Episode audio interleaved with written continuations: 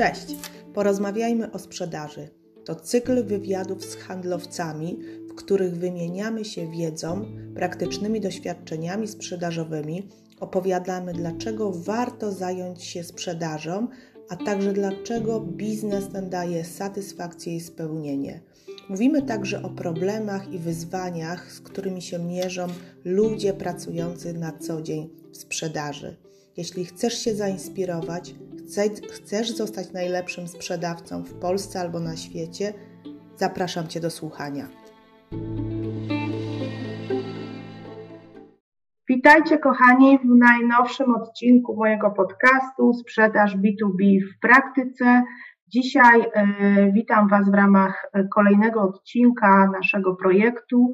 Porozmawiajmy o sprzedaży przypomnę tylko, że ten y, projekt jest, y, jest tutaj takim wywiadem motywacyjnym, gdzie chcemy z Wami podzielić się wiedzą, praktycznym doświadczeniem sprzedażowym, zachęcić Was do sprzedawania albo potwierdzić, że sprzedaż to jest coś, e, coś satysfakcjonującego i w czym się możemy spełniać. No i właśnie dzisiaj zaprosiłam e, do tego wywiadu e, doświadczonego handlowcę, handlowca, który mm, pracuje w szeregu firmach y, z branży IT. Za chwilę też Mateusz o sobie opowie.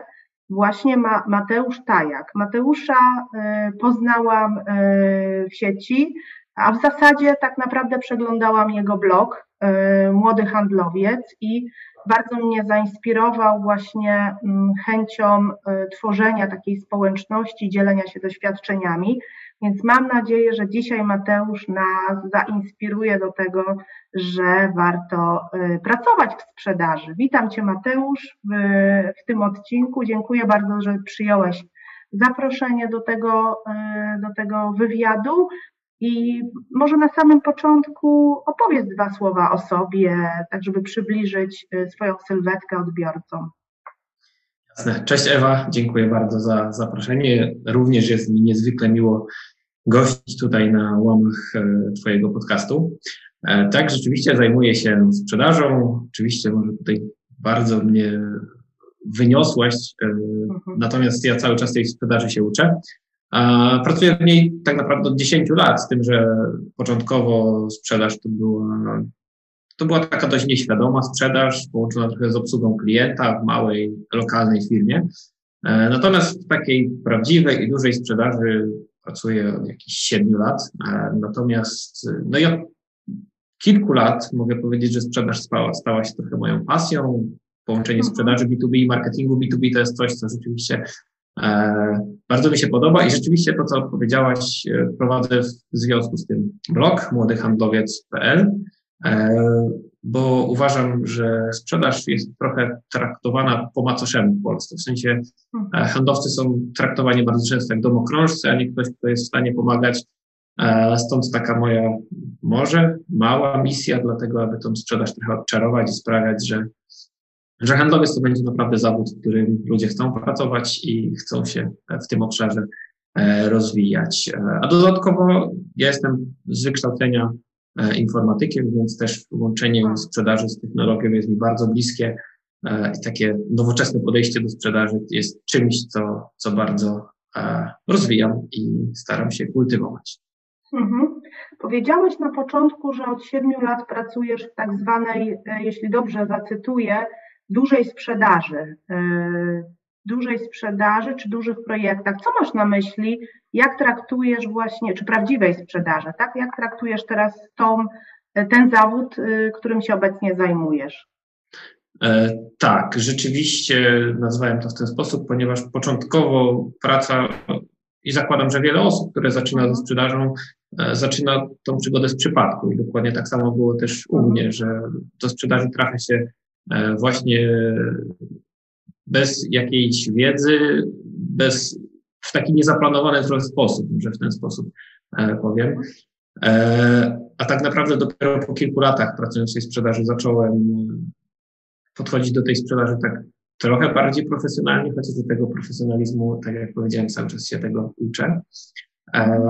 A dużą sprzedaż mam tu na myśli pracę w naprawdę firmach, w firmach, które rzeczywiście zajmują się obsługą dużych klientów, w firmach, które realizują duże projekty i w firmach, które są w stanie handlowców wspierać. I, i, i to nazywam dużą sprzedażą i miejscem, gdzie rzeczywiście zaczyna się tak naprawdę taka, taka duża sprzedaż. Natomiast każda sprzedaż jest świadoma, nawet w małej firmie, E, a dobrze prowadzona według mnie to jest wspaniała rzecz, e, e, którą warto, warto właśnie rozwijać. Mhm, mhm. Faktycznie czasami się tak zdarza, zresztą też w moim przypadku było, że jak zaczęłam pracować w sprzedaży, to taka pierwsza praca to było jakby w sposób też taki nieświadomy, tak? Doradca klienta w banku i tak to w zasadzie się zaczęło i chyba myślimy tak, o tym dokład, samym, dokład, tak? tak do, dokładnie mhm. tutaj ludzie, młodzi ludzie bardzo często trafiają do sprzedaży właśnie jako jakieś wsparcie sprzedaży.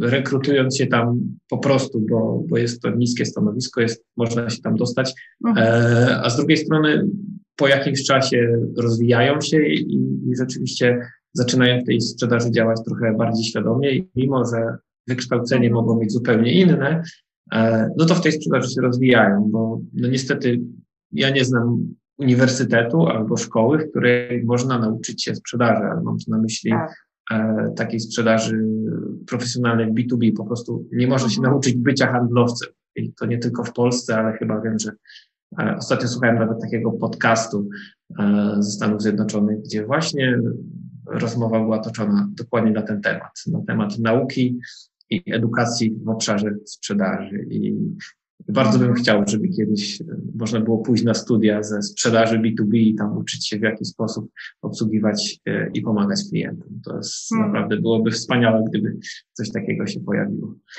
może kiedyś, może kiedyś zmienią ten system nauczania już na taki bym powiedziała bardziej przystępny i nowoczesny, tak, i pasujący do rzeczywistości, do realiów życia tak naprawdę, bo wydaje mi się, że, że to tak naprawdę życie pokazuje, że sprzedaż jest ważna, jest ważną dziedziną i zawodem, który, mm, który właśnie nie, nie należy traktować po macoszemu, tylko sprzedaży można, nawet trzeba się uczyć, dlatego myślę, że teraz my jesteśmy tutaj y, po to, żeby, żeby wypełniać właśnie tą naszą misję. Ty też mówiłeś, że masz taką misję, żeby gdzieś tam wspierać, pokazywać, uczyć kolegów, koleżanki tutaj, którzy, którzy być może właśnie zaczęli od jakiegoś takiego małego stanowiska. Ja sama znam takie osoby i właśnie teraz w tej rozmowie mi uświadomiłeś, że tak większość osób zaczyna jakieś wsparcie sprzedaży, jakiś doradca klienta, ale to, co zauważam, że często właśnie ci ludzie też rezygnują po jakimś czasie, tak, bo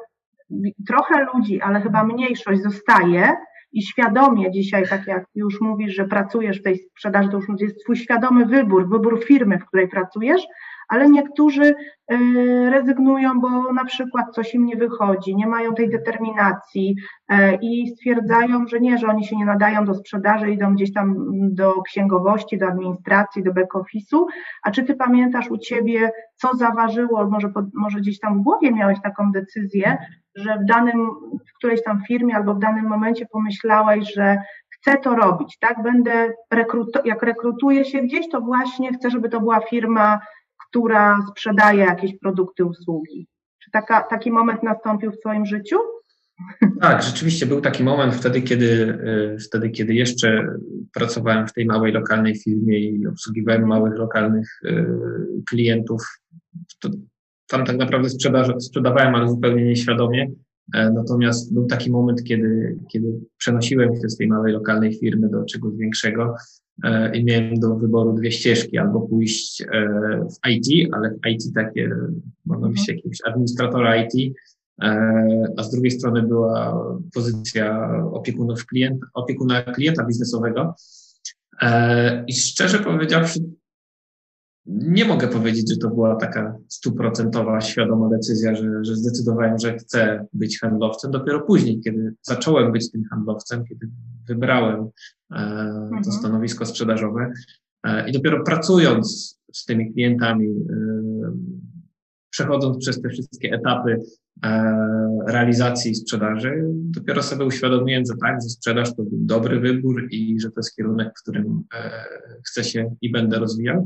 Natomiast y, właśnie to, co powiedziałeś, to było, nie mogę powiedzieć, że to było świadomy, że to był świadomy wybór, że mhm. od dziecka wiedziałem, że będę e, chciał być e, sprzedawcą, bo w sumie, kiedy zapytamy dzieci, kim będą jak dorosną, to usłyszymy strażakiem, policjantem, lekarzem, tak.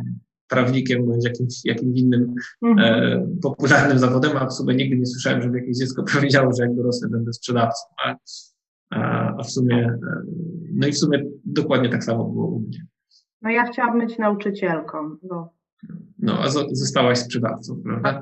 Tak, zostałam sprzedawcą. Nigdy też nie pomyślałabym, że będę dzisiaj Mm, prowadziła y, społeczność ludzi sprzedaży, ale właśnie to są takie bodźce też, które nami kierują, że nie ma to, co ty powiedziałeś na początku, że nie ma tej edukacji. Dużo ludzi jednak źle kojarzy jeszcze tą sprzedaż, tak? I myślę, że właśnie, a jakbyśmy mogli przejść do już y, takich zagadnień związanych ze sprzedażą. Czym dla ciebie jest sprzedaż, skuteczna sprzedaż? Kiedy ona, y, kiedy ona się odbywa? Na pewno sprzedaż odbywa się wtedy, kiedy pomagamy klientom. Natomiast ja sprzedaż jestem osobą, która jest mocno analityczna i techniczna i mocno wierząca w procesy. E, ja wierzę w to, że sprzedaż odbywa się wtedy, kiedy jest poukładana, wtedy, kiedy jest dobrze zarządzana, wtedy, kiedy jest przewidywalna. E, żeby to się mogło wydarzyć, to musi być też mierzona. Wydaje mi się, że to jest taki najważniejszy czynnik tego, że sprzedaż jest dobra, bo sprzedaż nie jest dobra wtedy, kiedy mamy koniec miesiąca, e, a nie realizujemy swoich celów, nie wiemy, dlaczego ich nie realizujemy, a nasi przełożeni wymagają, żebyśmy e, te cele realizowali, jednocześnie nie dając nam narzędzi, e, żeby te cele realizować. I, I, to też jest oczywiście sprzedaż, ale nie taka, o jakiej bym sobie zawsze marzył. Zawsze marzyłbym o takiej, która jest poukładana, przewidywalna e, i pozwalająca wiedzieć, co za chwilę się w tej sprzedaży wydarzy i co za chwilę wydarzy się u naszych klientów. Mhm, mhm. Na pewno, na pewno jak możemy coś zmierzyć, też, y, też potwierdzam, jakby przewidzieć, czyli rozpisać dany proces sprzedaży, to wiemy, kiedy, y, kiedy ta sprzedaż osiągniemy, tak? Czyli wiemy, kiedy E, kiedy zrealizujemy jakiś tam cel sprzedaży, mm, bo ty pracujesz w branży informatycznej, szeroko, pojęte, szeroko pojęta branża IT, ja też jestem związana z tą branżą i wiemy, że właśnie tam ten proces handlowy, proces sprzedaży trwa długo. No różnie to bywa, ale zazwyczaj, zazwyczaj to trwa kilka miesięcy nawet, można by było powiedzieć.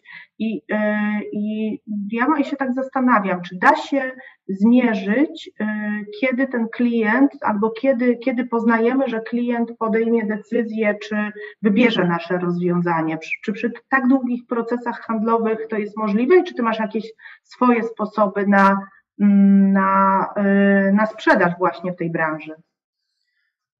Znaczy, generalnie to wszystko jest e, zależne od tego, czy znamy, przynajmniej według mnie, czy znamy mhm. proces zakupowy klienta i tego, czy jesteśmy świadomi, w którym momencie w tym procesie zakupowym jesteśmy.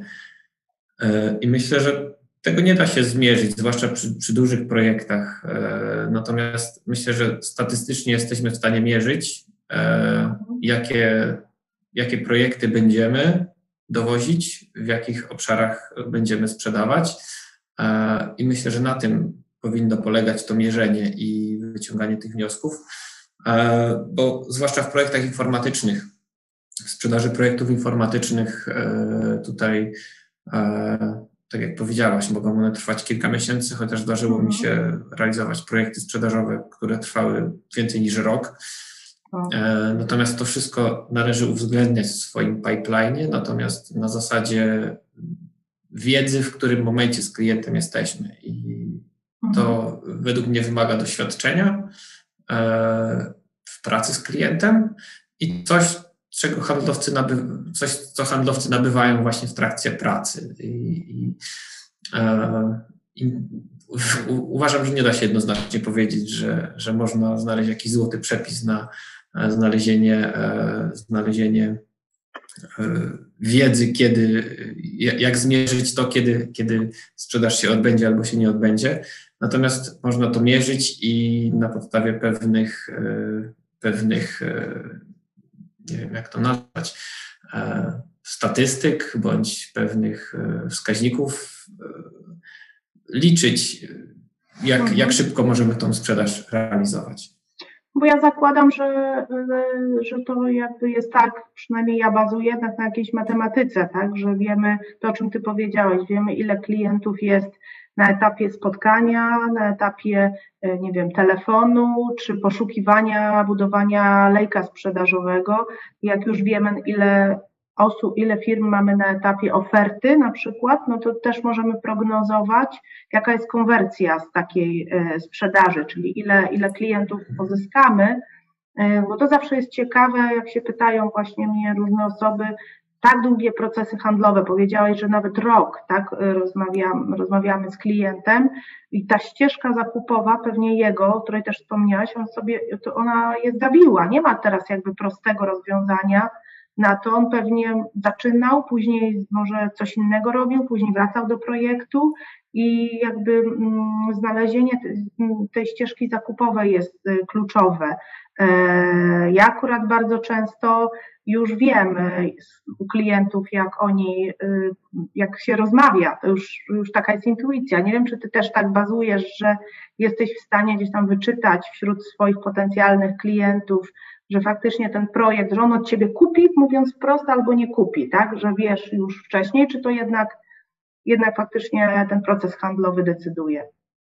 No, tak jak powiedziałem, to jest nieco bardziej skomplikowane, aby omówić proces zakupowy klientów, bo, bo klienci często, bo w B2B tutaj nie ma takiej ekscytacji jak przy zakupie nowego mhm. Telefonu, no może nie telefonu, to jest zły przykład, ale jakichś nowych butów, gdzie no zauważamy je w witrynie, one się nam spodobają i, i, na zasadzie emocji podejmujemy decyzję o zakupie. Tutaj w B2B raczej zdecydowanie częściej, e, zwłaszcza projekty informatyczne są kupowane dlatego, że klient ma jakiś problem i ten, ten projekt informatyczny ma za zadanie ten problem rozwiązać. Natomiast ten projekt informatyczny i to, co sprzedajemy, to jest być może tylko jedna z koncepcji, która klientowi jest w stanie mhm. pomóc. Być może on jest w stanie to zupełnie inaczej zrealizować.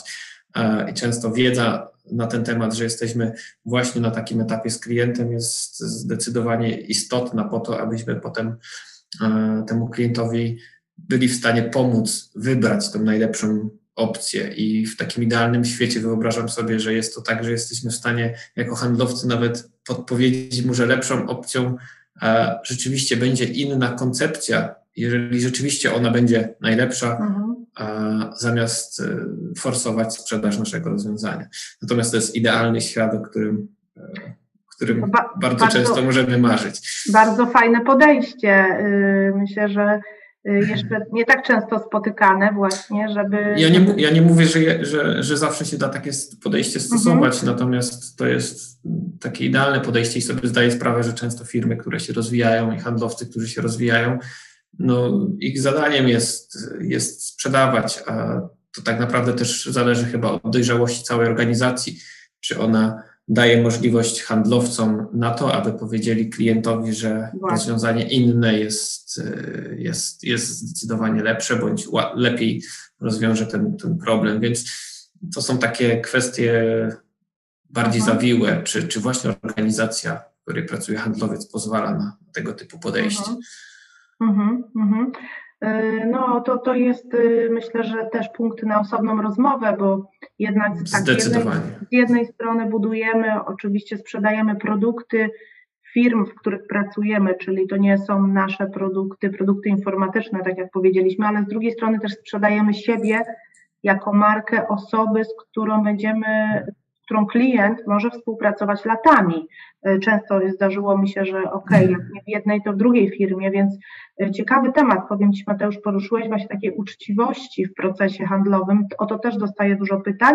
Właśnie czy mówić, że moje rozwiązanie, które mam w jakimś aspekcie nie zaspokoi tej potrzeby, problemu klienta, czy jednak wiesz, brnąć, bo liczy się właśnie ten cel sprzedażowy na koniec roku, e, który muszę wykonać, a później no, dorobimy coś, do, do, doprogramujemy, e, rozwiniemy ten system. To myślę, że, że to jest, mm, że to jest na, na, na inną rozmowę.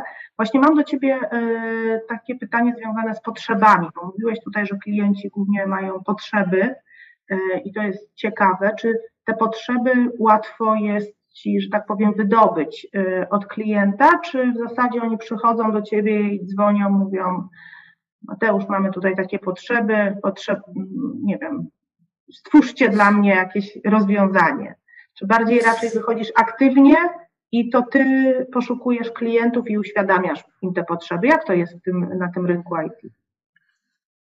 E, to też jest dość skomplikowany temat, bo oczywiście zdarzało mi się sprzedawać rozwiązania informatyczne do klientów, którzy dokładnie wiedzieli, co potrzebują i mhm. współpracowaliśmy dlatego, że klienci widzieli, że jesteśmy, że mają solidnego partnera, do którego się mogą zwrócić z konkretną potrzebą, już taką wyartykułowaną. Natomiast też często jest tak, że klienci mają jakiś problem, potrafią go nazwać, nie zawsze chcą o nim mówić, natomiast kiedy już o nim rozmawiamy, E, to oni nie potrafią znaleźć rozwiązania. I tutaj, tutaj jest zadanie takiego handlowca, doradcy, który jest w stanie e, na te problemy znaleźć rozwiązanie. I to nie rozwiązanie e, jako konkretny produkt, tylko właśnie taką koncepcję, która od A do Z jest w stanie taki problem rozwiązać. I zwłaszcza, zwłaszcza to jest widoczne w branży informatycznej, gdzie E, często rozwiązaniem problemu jest połączenie dopiero kilku technologii, kilku produktów, tak naprawdę daje, daje e, rozwiązanie. I, i tutaj nawet ze, ze swojego podwórka i pewnie Twojego też, bo ja zajmuję się sprzedażą e, robotów, takich wirtualnych botów, które są w stanie mhm. pomagać ludziom realizować procesy biznesowe.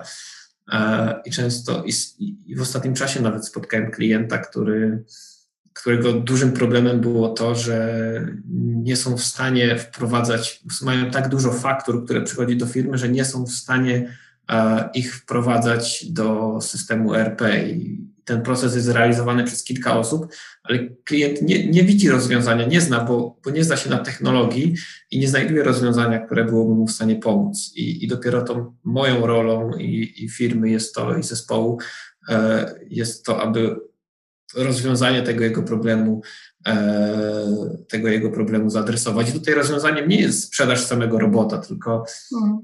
taka implementacja go w procesie, aby ten problem klienta, jakim jest właśnie ograniczona ilość ludzi, którzy są w stanie wprowadzać faktury do systemu, e, zredukowała się do, do, do mniejszej ilości. Więc mhm.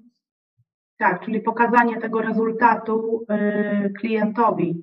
E, akurat w przypadku robotyzacji to uważam, też właśnie znając ten rynek, że stosunkowo łatwo, łatwo jeśli, jeśli oczywiście klient nam pozwoli, jesteśmy w stanie poka pokazać na danych, bo ja myślę, że też klienci lubią dane i to warto tutaj zaznaczyć, że czasami się mówi, że mamy, nie wiem, y, super jakościowy produkt, nie wiem, działający szybko, tak? Oparujemy takimi ogólnikami, jak rozmawiam z handlowcami, natomiast no my już jesteśmy, myślę, że w takich czasach, że jest też y, taka duża ilość informacji, że trzeba pokazywać klientowi dane po prostu.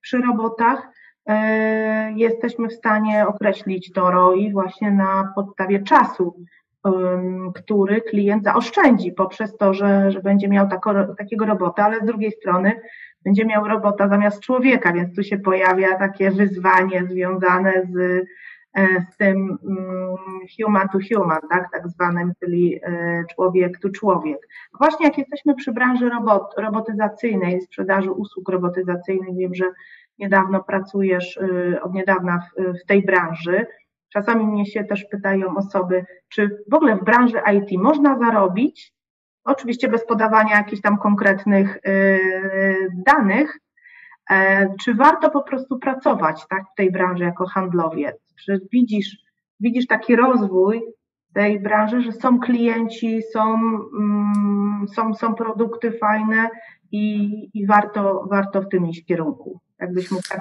poradzić osobom, które się zastanawiają.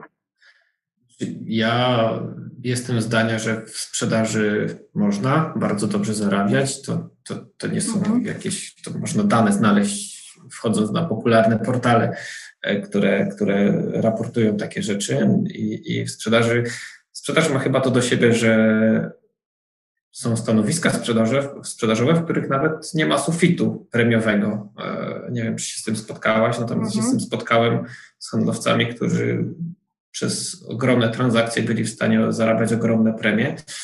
E, ale faktem jest to, że to wymaga bardzo dużej pracy, ciężkiej pracy, długiej pracy, e, dużej ilości doświadczeń. Nie mam tu na myśli wielu lat doświadczeń, ale właśnie wielu doświadczeń. E, I myślę, że sprzedaż to jest taka branża, która jeżeli ktoś jest zdeterminowany do ciężkiej, regularnej pracy, do rozwijania się, e, do częstego słyszenia nie, e, jest, jest, jest osobą, która właśnie często jest w stanie słyszeć odmowy, to warto spróbować i warto właśnie rozwijać się właśnie jako handlowiec. Natomiast tak, może inaczej. Myślę, że warto spróbować, bo mhm. rozpoczęcie pracy na jakimś stanowisku właśnie wsparcia sprzedaży, czy mhm. e, jakimś juniorskim, e, jest takim polem, gdzie można się rzeczywiście wykazać, gdzie można robić rzeczywiście dużo więcej niż e, od nas wymagają i w efekcie tego można bardzo szybko awansować, bo e, rzeczywiście zdarzyło mi się spotkać osoby, e, które mimo młodego wieku dość szybko osiągały wysokie wyniki w sprzedaży i szybko awansując właśnie na, na kolejne E, na kolejne e, szczeble kariery sprzedażowej, bo właśnie w sprzedaży, sprzedaż ma to do siebie, że bardzo łatwo jest zmierzyć jej wyniki e, mhm. i wyniki takiej osoby. I jeżeli ta osoba po kilku miesiącach pracy wykazuje ponadprzeciętne rezultaty, no to, to, to bardzo szybko jest też awansowana. Dlatego uważam, że warto próbować. Jeśli mhm. ktoś ma predyspozycję do właśnie kontaktu z ludźmi, i do pewnych regularnych, pewnej regularności dyscypliny, to jak najbardziej warto. Mhm, mhm. E, no właśnie będę miała jeszcze do Ciebie pytanie o tą skuteczność. E, wspomniałeś, że, e, że wymaga to ciężkiej, znaczy ciężkiej. No tak, no wymaga to dużej pracy. Na pewno nie od 8 do 16, ty się zgodzisz ze mną, że czasami wieczorami o różnej godzinie pewne oferty lub, e, lub po prostu telefony się wykonuje do klientów i tutaj nie ma co się czarować, bo e, ja zawsze mówię, że zazwyczaj prezesi wyjeżdżają jeszcze przed COVID-em, tak, e, z pracy o 17 najlepiej rozmawiać gdzieś tam po południu, więc, więc, więc zaraz do tego wrócę. Natomiast ja chciałam tylko podsumować kwestię pieniędzy. E, warto podejmować kwestie pieniędzy. Uważam, że w sprzedaży, e, że sprzedaż jest dobrą e, rzeczą dla osób takich przedsiębiorczych, które właśnie chcą zarobić, chcą, mm, chcą coś więcej zyskać niż tylko tą wypłatę, tak, tą zasadniczą, mają jakieś cele związane ze swoim rozwojem, bo jak analizowałam różne inne stanowiska, no to zawsze jest jakaś jakieś wynagrodzenie plus jakaś tam premia, gdzieś tam jest to ograniczenie. I to, co fajne też mi się podobało, jest, powiedziałeś, że można szybko awansować. Nawet można, ja znam osoby, które przeskoczyły nagle w strukturze organizacyjnej o dwa stanowiska do góry, bo jednak cała firma żyje ze sprzedaży, więc, więc, tutaj, e, więc tu myślę, że jak ktoś szuka takiej wolności finansowej, to, to jest to dobry, e, jest to po prostu dobry, dobry zawód. A właśnie jakby też kończąc naszą rozmową i podsumowując tą związaną, ten element związany z pracą i z efektywnością, to jestem ciekawa, czy masz jakieś takie sposoby na to, żeby mieć tą energię do pracy i tak ciężko w sumie, tak, bo też jesteś na takim etapie pewnie rozwoju zawodowego, że dużo pracujesz, żeby mieć tą energię do pracy każdego dnia, e, spotkań, rozmów z klientami. Masz jakieś takie swoje, e, że tak powiem, praktyki, którymi możesz się tutaj podzielić? Myślę, że, że, to, że to są takie praktyki uniwersalne chyba dla nie tylko sprzedawcy, ale dla każdego, kto chce mhm.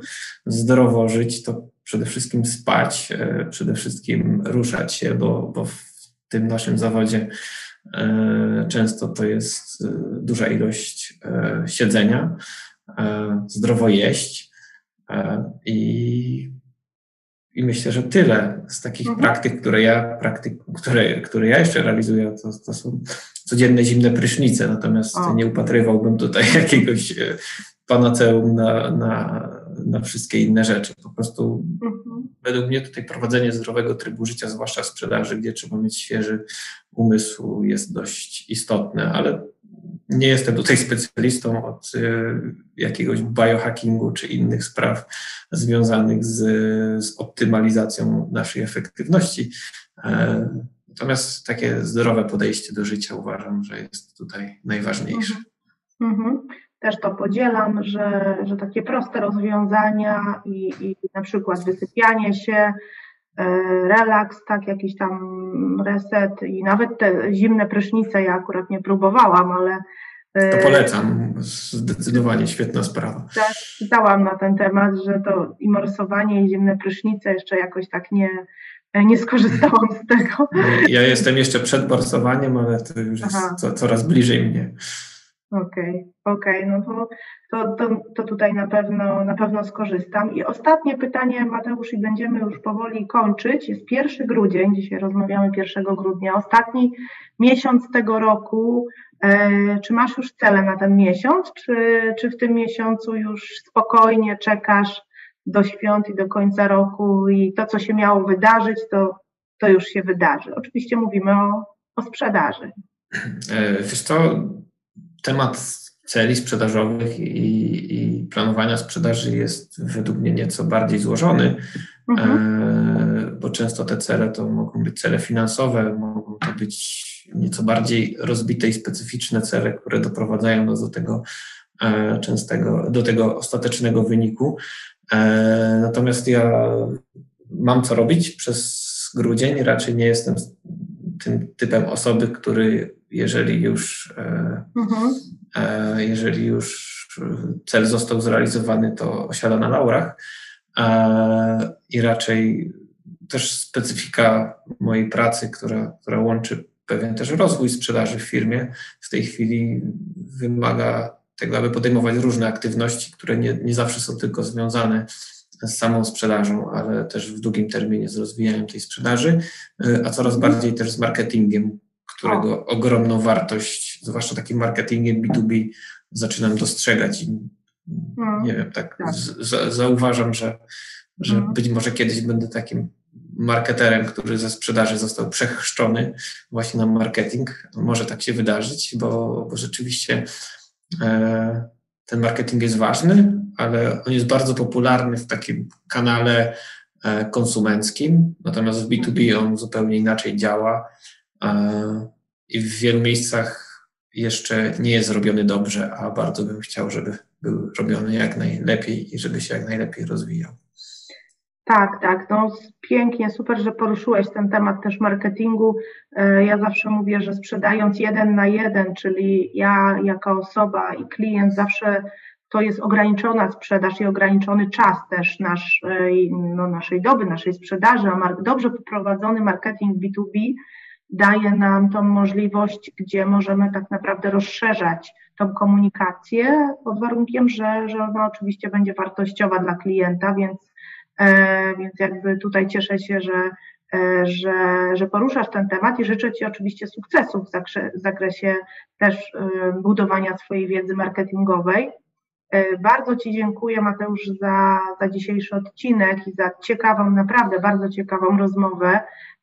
Dłużej bym jeszcze porozmawiała, ale to może przy następnej okazji będziemy mieli się spotkać, będziemy mieli okazję się jeszcze spotkać w projekcie Porozmawiajmy o sprzedaży lub w innym projekcie. Ja tak nawiązując do Mateusza wypowiedzi a propos marketingu, chcę Wam przypomnieć, że od stycznia startuje nowy podcast dedykowany właśnie marketingowi i strategii sprzedaży, strategia B2B.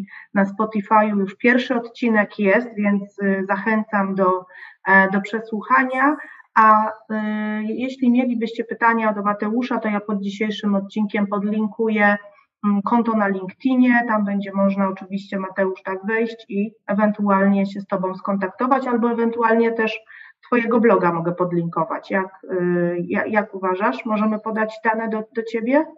Jasne, jak najbardziej. Również bardzo Ci dziękuję za tą dzisiejszą E, ciekawą rozmowę. E, rzeczywiście tak, jeżeli ktoś miałby ochotę bądź chciałby się ze mną skontaktować, porozmawiać, to zapraszam właśnie na LinkedIna bądź na mojego bloga młodyhandlowiec.pl i mhm. Ewa tutaj rzeczywiście podlinkuję. E, zapraszam i bardzo serdecznie dziękuję wszystkim słuchaczom i Tobie Ewa za tą inicjatywę. Ja również bardzo dziękuję. Pozdrawiamy Was serdecznie i do usłyszenia, do zobaczenia. Miłego wieczoru albo dnia, w zależności od tego, kiedy słuchacie ten podcast. Pozdrawiamy.